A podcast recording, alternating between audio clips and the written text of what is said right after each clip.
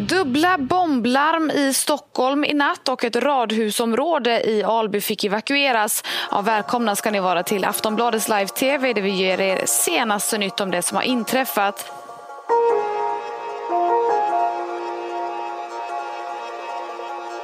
När den nyköpta exklusiva Mercedesen plötsligt var försvunnen trodde det kriminella gänget att säljaren stulit den med en extra nyckel. De hade fått uppfattningen att det var fel på bilen och att säljaren, en bilfirma i Haninge, på det sättet skulle slippa att betala tillbaka pengarna, nästan 600 000. För att hämnas och utpressa ägaren sprängde de sönder hans butik och skulle även spränga hans bil när han parkerat hemma hos sina föräldrar. Men allt var ett missförstånd. Bilen var inte stulen utan beslagtagen av polisen. Och gänget, det så kallade Vårbynätverket, fick tillbaka pengarna och misstänks sedan ha pressat säljaren på ytterligare lika mycket som bilen kostade. Sprängningen är bara ett av en rad grova brott som nätverket står åtalade för. Tack vare Encrochat sitter nästan hela gänget inlåst. 30 personer, inklusive ledarskiktet. Men redan har deras platser fyllts av nya underhuggare och springpojkar. 13-14-åringar som håller på med droghandel och annat, nästan som förut. Går det inte att få bort de kriminella gängen ens om ledarna blir inlåsta? Vad behöver i så fall göras mer? Det ska vi titta närmare på i det här avsnittet av Aftonbladet Krim. Jag heter Anders Johansson.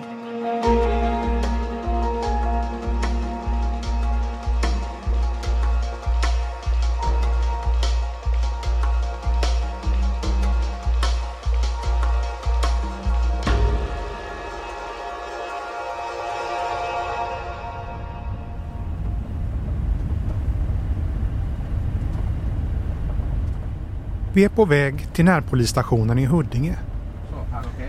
Det blir jättebra. Ja, ja visst. Den är belägen i en ganska anonym laxrosa tvåvåningsbyggnad. Hade det inte varit för polisens emblem på väggen hade den varit lätt att missa.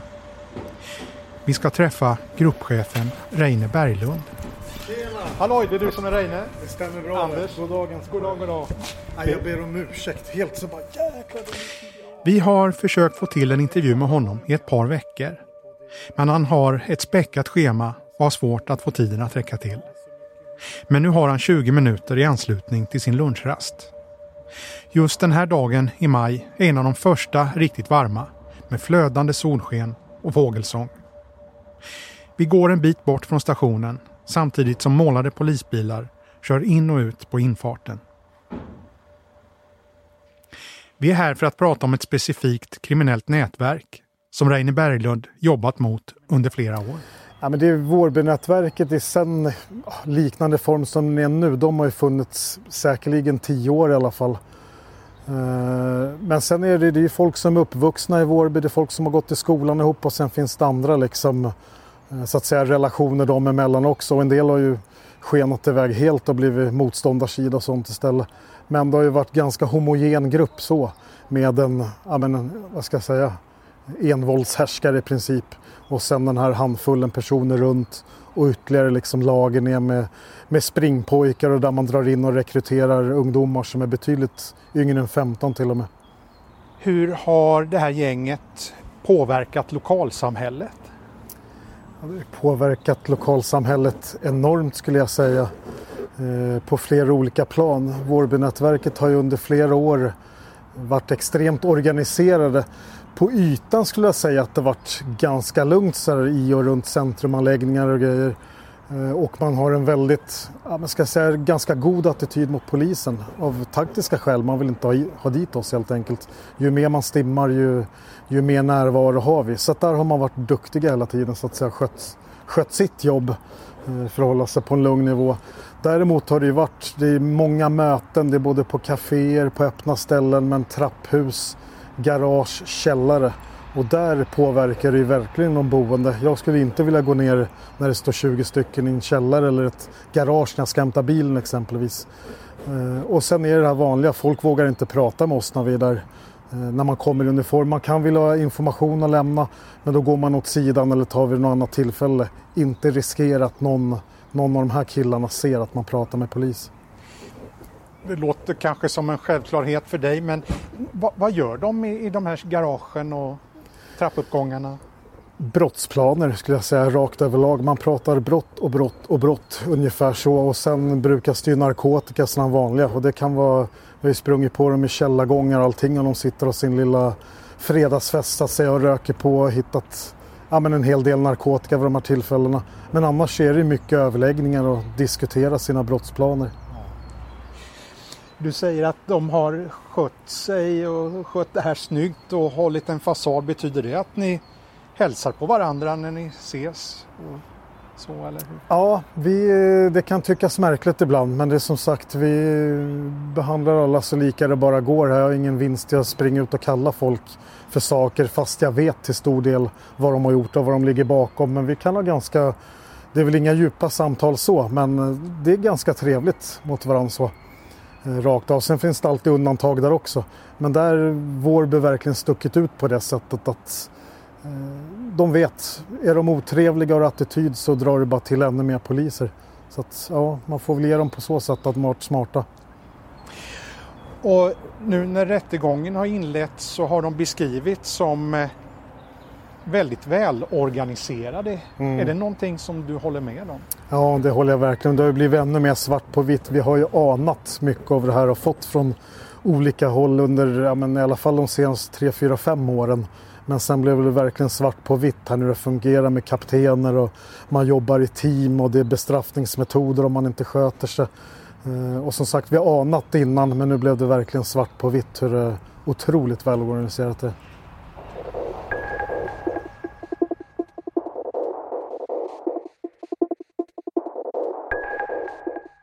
Vi ska återvända till Reine Berglund senare.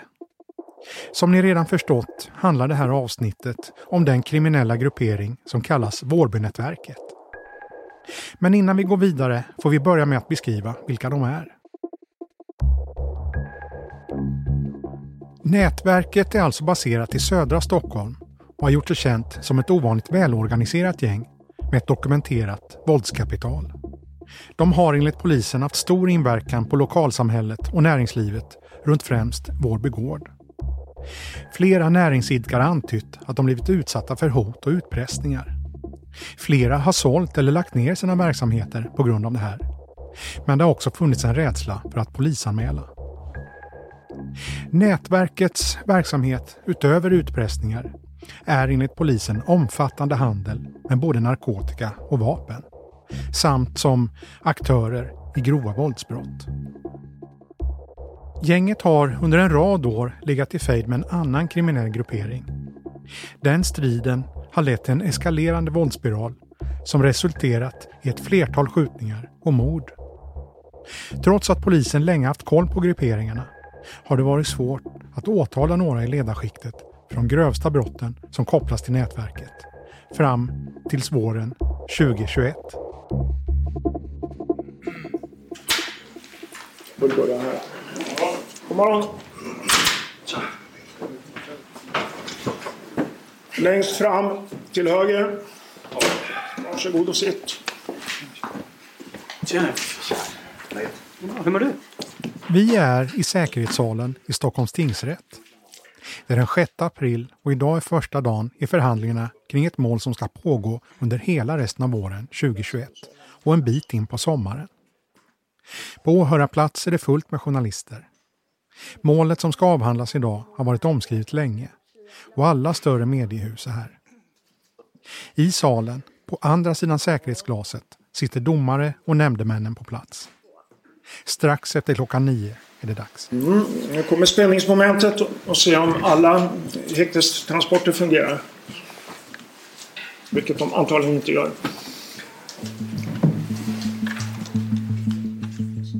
Det som händer nu är att de tilltalade ska ta plats i salen. Den här första dagen är det hela 16 personer. Och bland dem det som pekas ut som de fem ledargestalterna. Morgon. Även ett coronafritt år hade det varit ett logistiskt projekt att få ihop det hela. Men det här året är det naturligtvis extra krångligt. En efter en förs de in i handfängsel av personal från kriminalvården. Tätt följda av sina respektive försvarsadvokater. En försvarare har fått förkylningssymptom men är med på länk. Welcome to us. You are entering the meeting now. Nu är jag här igen. Hej! Hej, hej. Advokat Gitta Hadding Wiberg är med på länk. Ja. ja. Några av de tilltalade kikar upp mot medieuppbådet som sitter på andra sidan säkerhetsglaset. Flera är klädda i kriminalvårdens gröna kläder. Någon småpratar lite med sin försvarare, men de flesta tittar ner i bordet eller mot domaren när de satt sig. Domaren verkar lite otålig. Och det börjar så smått ändå. Jag vet inte om alla är på plats. Det är ju 30 personer åtalade i målet.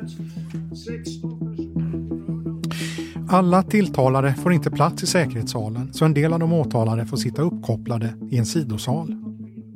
Dessutom har rätten fått låna en sal i Södertörns tingsrätt där en tredje grupp får sitta. Någon som är med på videolänk från en av sidosalarna råkar ha sin mikrofon på och får en tillsägelse. Ja, vi har bett dem stänga av det. Mikrofonerna. Vi får påpeka. Ett påpekande också till den... De 16 som är här just idag är bara hälften av alla de som är åtalade i det här målet. Allt som allt rör sig om 30 personer.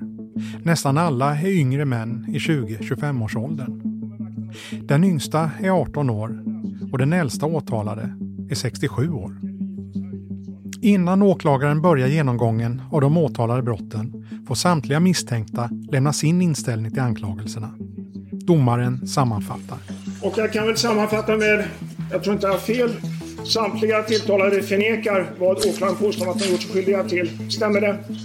Ja. ja. Eftersom det rör sig om ett så stort mål har tre åklagare avdelats för att driva åtalet. Anna Stråth, Ida Arnell och Sara Nilsson. Efter några minuters väntan inleder Anna Stråth sin sakframställan. Tack! Då ska jag sätta igång här eh, och eh, börja berätta, eh, precis som ordföranden sa, att det här är ju ett stort ärende med sammanlagt 30 åtalade personer och 16 olika åtalspunkter. Ärendet inleddes inte på det här sättet. Under den här första dagen ska brottet stämpling till mord avhandlas. Men just den punkten ska vi inte ägna särskilt mycket tid åt i det här avsnittet. Vi återkommer till vilken del vi är intresserade av.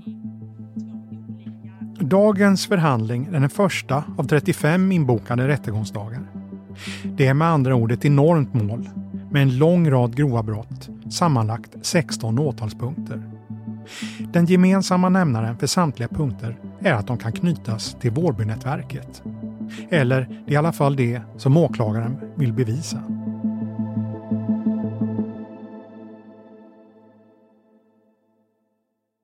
Åklagare Anna Stråth förklarar att under den här första dagen kommer mycket att handla om gängets hierarki.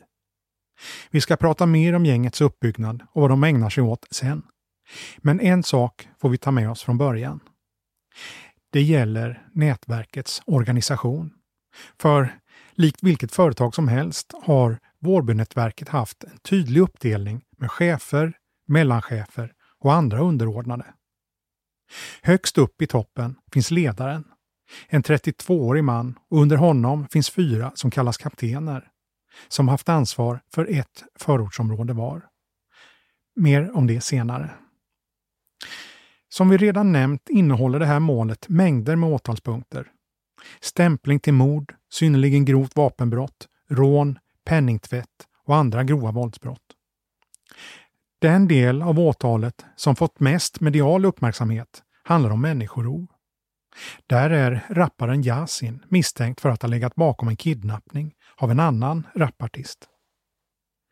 Vi kommer återkomma till den delen av målet i ett senare avsnitt nu den här gången tittar vi närmare på en helt annan händelse som kunde ha fått långt allvarligare konsekvenser även för det som brukar kallas tredje man, Alltså vanliga människor som inte har med saken att göra. Det gäller bombattentat riktat mot en bilhandlare i Haninge. En sprängning som genomfördes och en annan som stoppades på grund av slumpen. Åtalspunkt nummer 6, där åklagarens rubricering lyder Allmänfarlig ödeläggelse, grovt brott. Försök till allmänfarlig ödeläggelse, grovt brott. Och brott mot lagen om brandfarliga och explosiva varor, grovt brott. Och det här är brott där det finns livstidsfängelse med i straffskalan.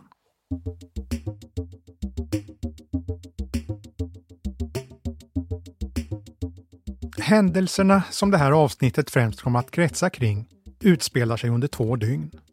Den 21 till den 23 maj 2020. Men det hela tar egentligen avstamp drygt en månad tidigare. Och det handlar om en sån här värstingbil med 510 hästkrafter.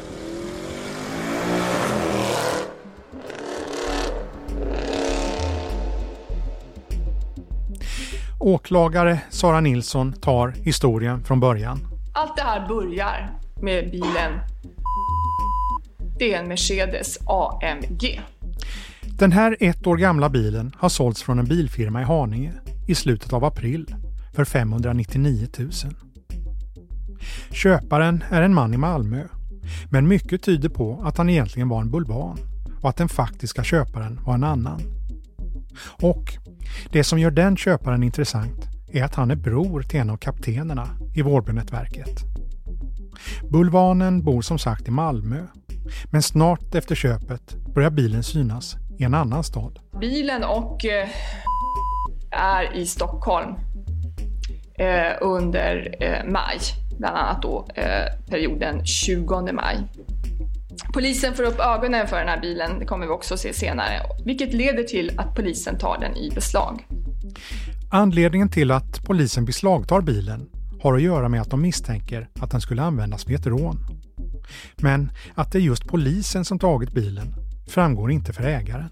Och det sker under natten, så det är ingen som underrättas om det här beslaget. Utan bilen försvinner.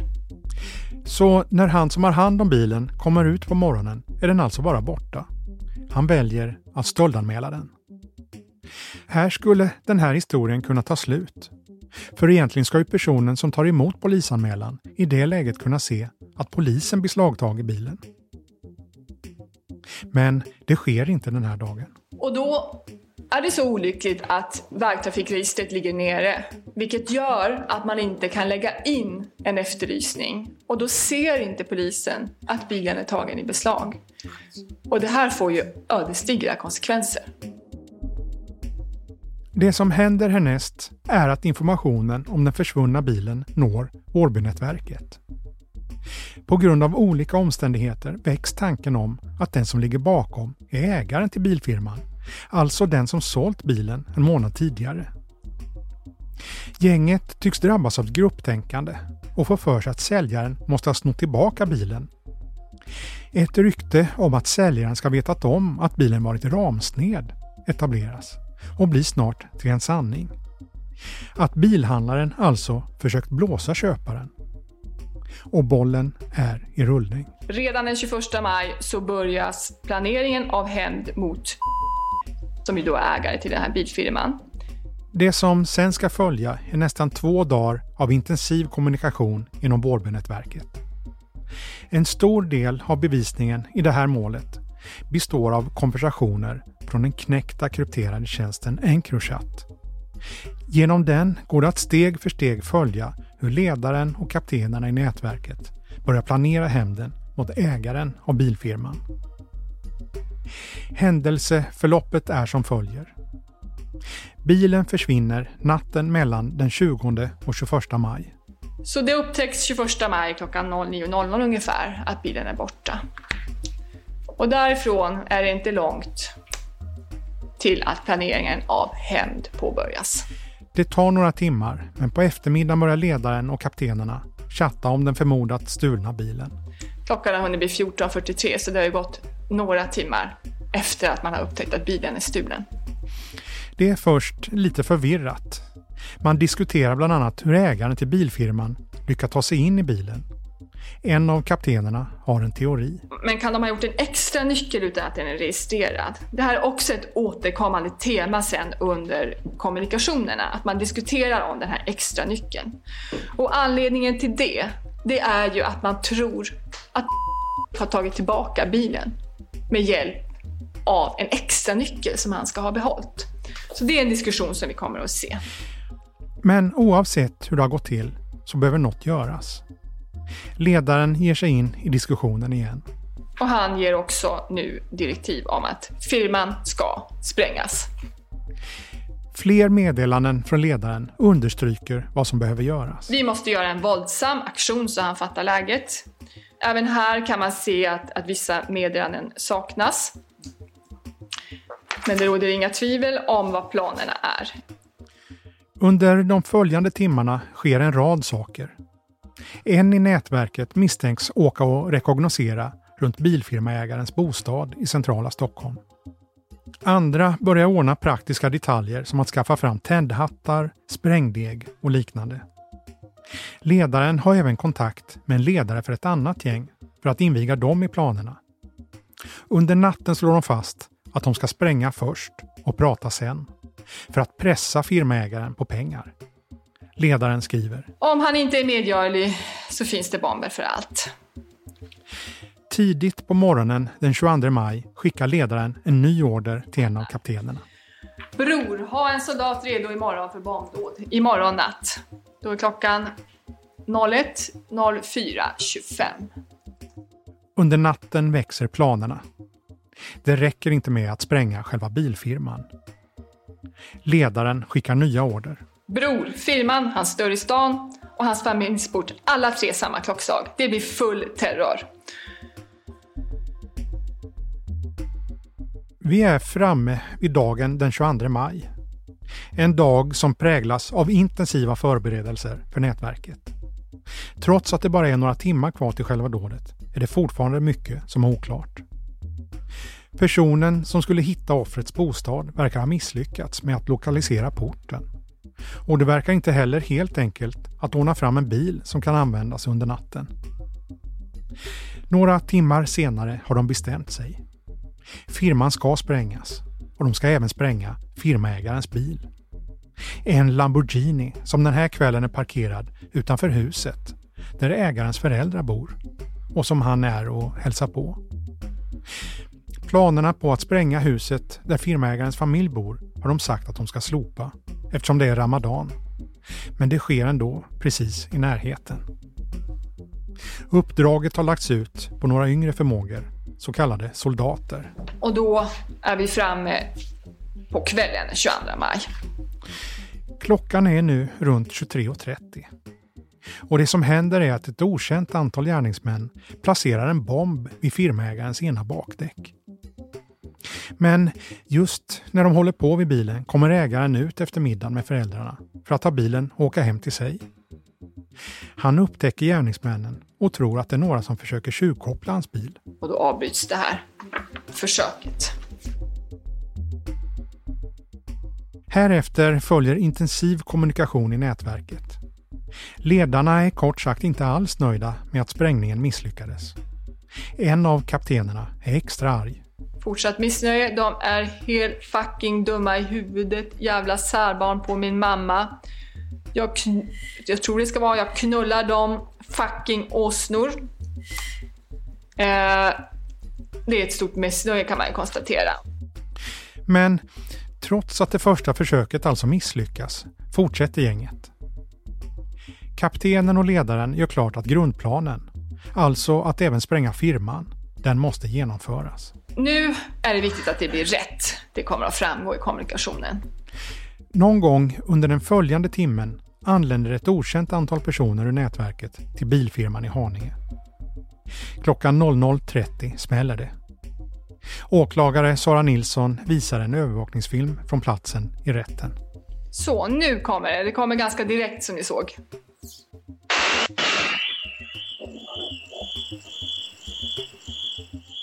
Tryckvågen är enorm. Dörrar och fönster blåses ut.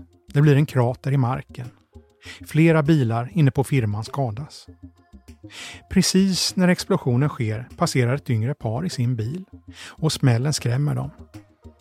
Deras bil skakas om och kvinnan som sitter på passagerarplatsen berättar att hon kastar sig framåt och duckar.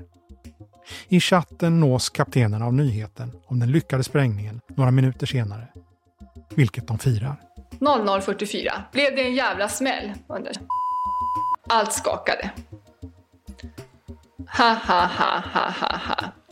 Ha ha ha skriver Och sen så, så skriver och bror, allt flög i luften som svar på frågan om det gick bra.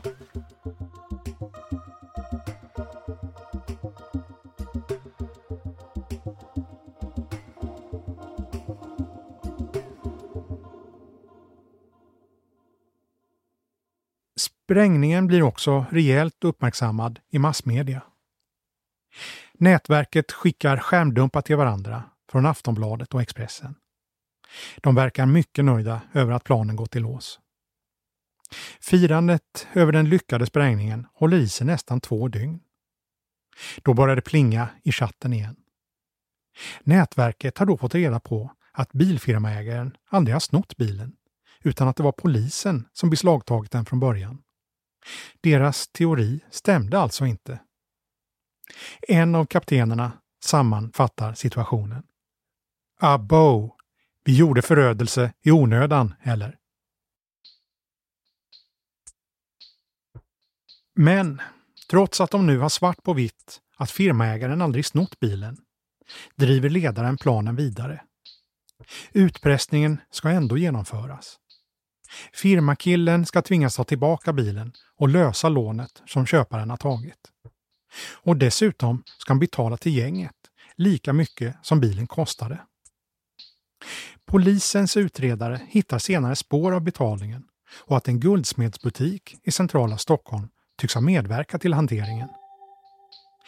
Bilfirmans ägare svarar på många av polisens frågor. Men när de undrar om man känner till en av de namngivna kaptenerna, adressen där guldsmeden har sin butik, svarar han bara ingen kommentar.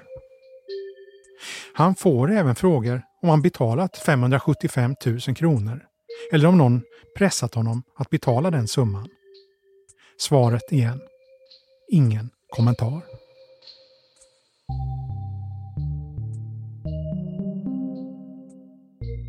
Sprängningen av bilfirman är bara ett av en rad grova brott under de senaste åren som kopplas till nätverket.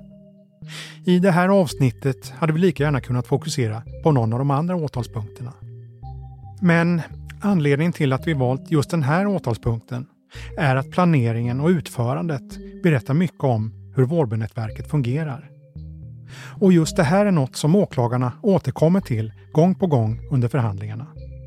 Att de vill visa att det här inte är slumpmässiga våldshandlingar utan noga planerade våldsbrott som allt som oftast följer samma mönster. För att förstå det mönstret måste vi ta en närmare titt på gängets uppbyggnad. Åklagaren Anna Stråt sammanfattade hela under en av dagarna i rätten. Det här är en, eh, ett kriminellt nätverk. Det finns många kriminella nätverk. Det som skiljer sig när det gäller Vårbynätverket det är att det är särskilt välorganiserat. Eh, det är en hierarki och en organisation eh, som ehm, är styrd eh, på ett mycket mer disciplinärt sätt än många andra organisationer. När åklagaren ska beskriva nätverkets organisation liknar hon det vid en pyramid. Högst upp i toppen är den som åklagaren beskriver som ledaren. Han har lett den här organisationen så länge den har funnits. Eh, det finns ingen som på något sätt är i närheten av hans, i, i hans position. Han är ensam ledare. Jag har inte sett något exempel på allt i all den här utredningen att någon vid något tillfälle skulle ha sagt emot eller eh, på något sätt inte bara liksom gjort som han säger. Han är ensam ledare och han bestämmer. Ja, mer eller mindre allt som sker runt Vårbynätverket utgår från dess ledare. Han är 32 år och född i Tunisien. Han förekommer under 18 avsnitt i belastningsregistret. Första gången han dömdes var 2005. då han fälldes för misshandel, olaga hot, rån, försök till rån och brott mot knivlagen. På grund av sin ungdom, han var 16 år vid de första brotten, så blev påföljden sluten ungdomsvård i sex månader. Men redan innan han påbörjade verkställigheten begick han nya brott. Misshandel, biltillgrepp och brott mot knivlagen. Och fick ytterligare sex månaders sluten ungdomsvård. Efter andra omgången vård var han ute drygt ett år. Sen dömdes han igen. Grov misshandel, olaga frihetsberövande, två rån, vapenbrott och narkotikabrott. Han var då 18 och fick tre års fängelse. När han kom ut fortsatte han att åka fast och fick ytterligare rader av domar om dagsböter, skyddstillsyn och ytterligare tre fängelsestraff. Senaste domen är från 2019 på fem månader för stöld och narkotikabrott. I samband med det målet gjorde frivården en personutredning om honom. Han säger där att han livnär sig på pokerspel. Att han inte använt narkotika på flera år. Han beskriver sin uppväxt som präglad av trygga hemförhållanden. Han berättar att han växte upp med båda sina föräldrar och fyra bröder. Kontakten med familjen uppges vara god. Han berättar att han i Sverige gick i skolan till och med sjuan. Han berättar att han sen bodde i Syrien och gick motsvarande åttan och nian där. Han gick inte ut med fullständiga betyg men säger att han senare läste in alla kärnämnen på anstalt. Han är gift sedan sex år. Paret har två barn. Han säger att äktenskapet är bra och att han trivs med att vara förälder. De bor i en lägenhet på fyra rum och kök med en månadshyra på 8 300 kronor. Och han uttrycker, som det heter, inga brokriminella värderingar i samtalet med kriminalvården. Samtidigt framkommer en helt annan sida som gör att kriminalvården ändå bedömer att risken för återfall i brott som förhöjd. Kriminalvårdens säkerhetsorganisation har inhämtat uppgifter från polisen och skriver i sitt yttrande 2019 till tingsrätten att han leder ett kriminellt nätverk i ett område i södra Stockholm. Och citat. Polisen menar att nätverket sannolikt har stor tillgång till vapen, vilket lett till väpnade konflikter. Under de senaste åren har polisen sett att flera skjutningar med dödlig utgång haft kopplingar till nätverket. Slutcitat. Och detta skrevs alltså i mars 2019. Sedan dess har skjutningarna fortsatt, liksom flera sprängningar. Under ledaren finns nästa skikt som fungerar som hans närmaste män. Åklagaren Anna Stråt igen. På nivå två, under honom, har han eh, andra personer till hjälp. Det rör sig om fyra personer som nätverket själva kallar för kaptener. Två av dem är bröder till ledaren, en lillebror och en storebror. Utöver dem handlar det alltså om två män till, 30 och 24 år gamla. Enligt åklagaren ansvarar de för olika geografiska områden. Kaptenerna har ett antal soldater till förfogande att utföra olika brott, eh, spaningar, eh, förvara saker och så vidare. Eftersom det är ett stort antal personer så har man utsett det som man kallar kaptener i fält. Alltså någon form av gruppchef eller gruppledare för dessa soldater. I åklagarens material finns flera exempel på hur nätverkets maktordning fungerar. Ett exempel handlar om hur ledaren bestämmer sig för att styra upp en schemalagd patrullering av de områden som nätverket kontrollerar. Han skickar ut en order till sina kaptener och ber dem skicka tillbaka namn på soldaterna över Encrochat. En av kaptenerna återkommer snart med en lista på namn. Men han meddelar samtidigt att vissa av soldaterna på listan inte kan utföra alla uppgifter. De tre sista kan varken japp eller vara ute sent. Men de kan cykla iväg med Shorda, hålla span och skickas regelbundet till Hors, allé och parkeringar för att spana Eh, och när det gäller då vad han eh, beskriver att de kan göra så japp, det betyder att skjuta. Shorda betyder vapen, pistol. Och trakten är det namnet de använder för orten eller sitt område. Kort senare återkommer ledaren med ett patrullschema. Justera ett team i höjden och ett team där nere. De ska alltid ha vapen nära till hands, men behöver inte ha på sig alltid. Efter tre dagar byter man ut dem mot annat team. De ska patrullera sitt område och ha koll som om de vaktar en militärbas. Varje namn med stjärna bredvid är teamledare och har ansvar för sina gubbar och rapporterar direkt till dig. Så slipper du ha med 100 pers. De blir dina kaptener i fältet och du är kappo för Alby. Du måste ha koll på dem och finslipa dem. Låt dem absolut inte använda annat knark än cannabis. En annan detalj i åtalet, som än en gång visar på hur välorganiserat Vårbynätverket är, gäller införandet av en medlemsavgift för alla som arbetar inom organisationen. Åklagare Anna Stråt igen.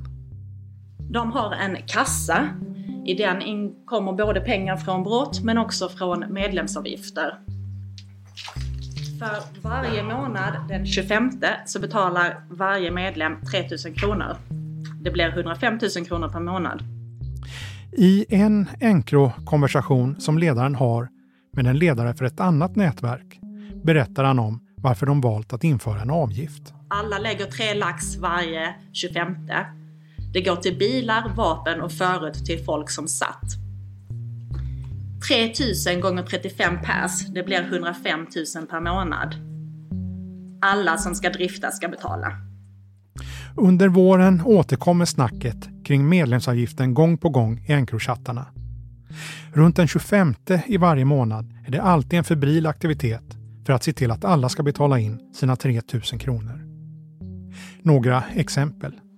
Har haft värsta ruschen som missade 25-kassan. Ska vi lösa den idag? Bror, kan du lösa dina tre lax ikväll för 25? Bror, lämnade du tre lax för 25? Och säger, kan du hämta parran för Alby 25 idag? Bror, vad finns i kassan och vad finns hos gubben? Och har alla gett för den 25? Att åklagaren väljer att lägga så stor vikt vid just medlemsavgifter och patrullscheman kan verka lite märkligt. Att samla in pengar från de egna leden eller göra planer för hur man ska vakta sina områden är ju inte i sig brottsligt. Men gång på gång understryker hon att de här exemplen illustrerar hur välorganiserat Vårbynätverket har varit. En omständighet som kan ge strängare straff om nätverkets medlemmar i slutändan döms.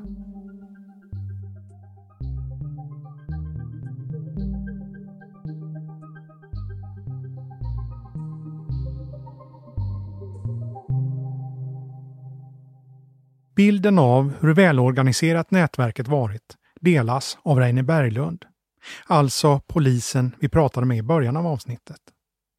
Han har som sagt följt grupperingen under flera år och följer rättegången i Södertörns tingsrätt. Men han vågar inte sia om hur det kommer att gå. Ja, det är ju fantastiskt intressant att följa det här. Sen får vi ju se i slutändan vad det blir Då. det lär ju överklagas vidare. Det har ju redan varit någon dom för Eh, ja, med mord och mordförsök här i Kungens Kurva och det vid Circle K-macken. Eh, så att jag är så försiktigt positiv. Det är klart, det gör ju stor skillnad att så många är frihetsberövade nu. och förhoppningsvis kommer många få sitta ganska långa år och länge. Eh, men vi ser ju samtidigt också att det är full rulle i vår begård nu.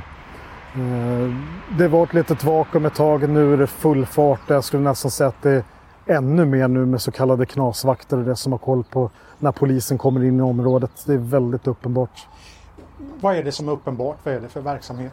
Att vi ser att man håller på med brott också. Mycket är det med det. Och vi har även vi hittat flertalet vapen som finns i närheten av centrumanläggningar, i garage och liknande. Så att våld och narkotika finns ju hela tiden väldigt närvarande i området. Men ännu mer än tidigare om det dyker upp nya aktörer som fyller det här tomrummet. eh, som då nätverket kanske har lämnat efter sig.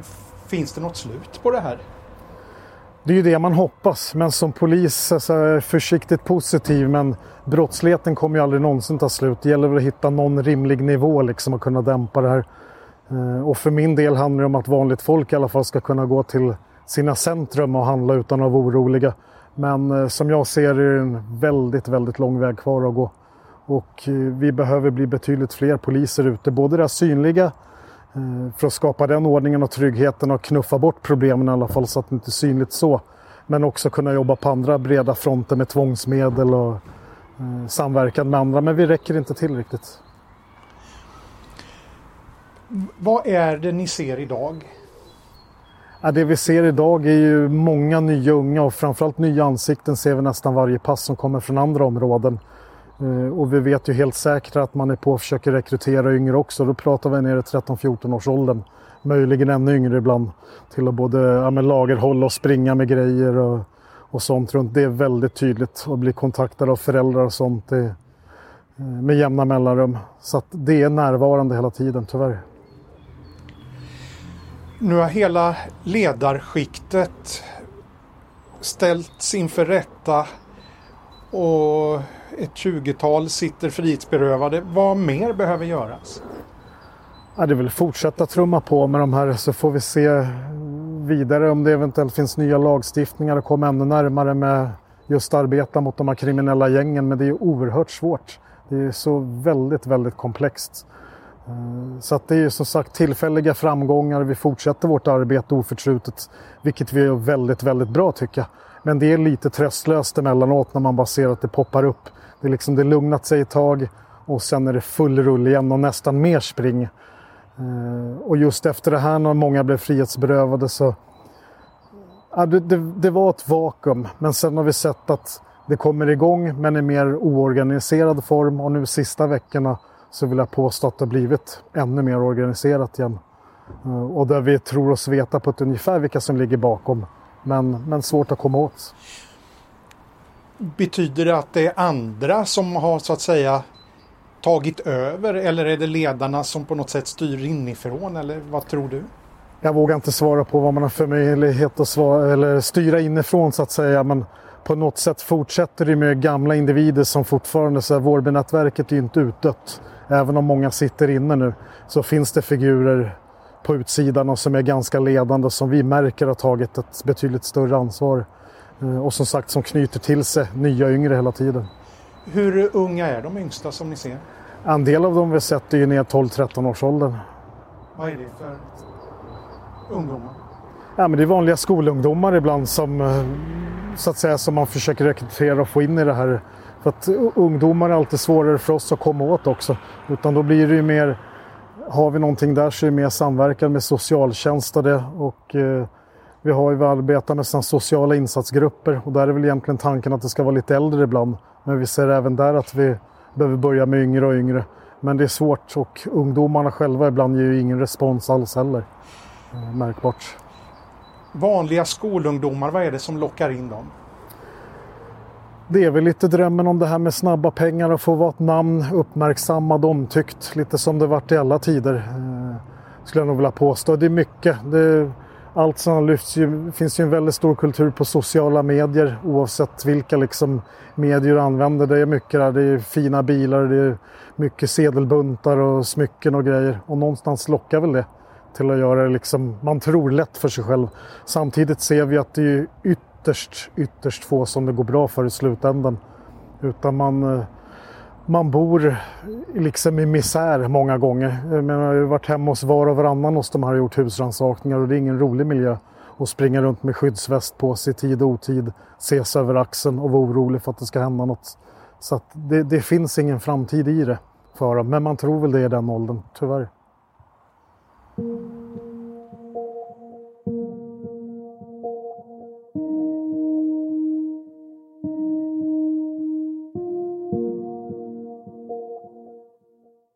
När det här avsnittet spelas in återstår som sagt många dagar av den stora rättegången. Som vi redan nämnt nekas samtliga till anklagelserna. Om åklagarens bevisning kommer att räcka för fällande dom återstår att se. Flera av de tilltalade erkänner att de haft tillgång till de aktuella Encrochat-telefonerna, men säger samtidigt att de inte använt dem just under de här tillfällena när brott har planerats. Ledaren pratar till exempel om att en person som man kallar Mr K ska ha använt telefonen under de tillfällen när man diskuterat grova brott. Förhandlingarna kommer pågå ända fram till midsommar. Att hela ledarskiktet just nu sitter inne, tillsammans med många av hantlangarna, ser Reine Berglund positivt på. Bland annat tycks det som att fler invånare vågar röra sig ute på kvällarna jämfört med tidigare. Det har också blivit vanligare att allmänhet kommer fram och pratar med polisen och kommer med glada tillrop och beröm. Men Reine Berglund kallar det ändå för tillfälliga framgångar. Som polis med många år på fältet vet han att det inte finns någon enkel lösning, någon enkel metod för att få bort gängkriminaliteten. För det är inget enkelt problem, understryker han. Det vi tycker är viktigt är, det är att fortsätta jobba på bred front. Som sagt, vi behöver alltid mer resurser. Det kommer vi alltid. Vi kommer aldrig vara nöjda med den resurs vi har, men det ena utesluter inte det andra. Det är många pratar mycket om bara hårdare straff och, och en del pratar nästan bara om att det ska bara vara förebyggande och bara vi bygger lite till idrottshallar och grejer så löser det sig. Det är ju en kombination liksom av det här. Men det är ju väldigt, väldigt komplext. Och jag tror det kommer drar vi liksom något jättestort omtag nu och jobbar på så kanske vi ser resultat. Men då jag pratar om många, många år framåt.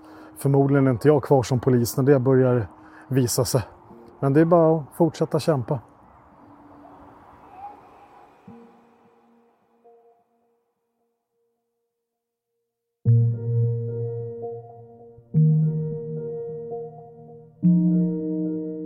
Du har lyssnat på ett avsnitt av podden Aftonbladet Krim med mig, Anders Johansson. Klippet i början kommer från Aftonbladet TV. Producent för podden var Marcus Ulfsand.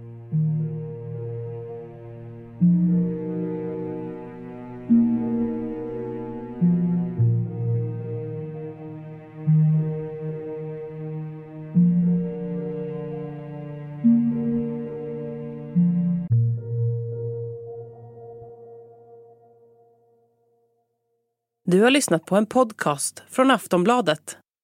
Ansvarig utgivare är Lena K Samuelsson.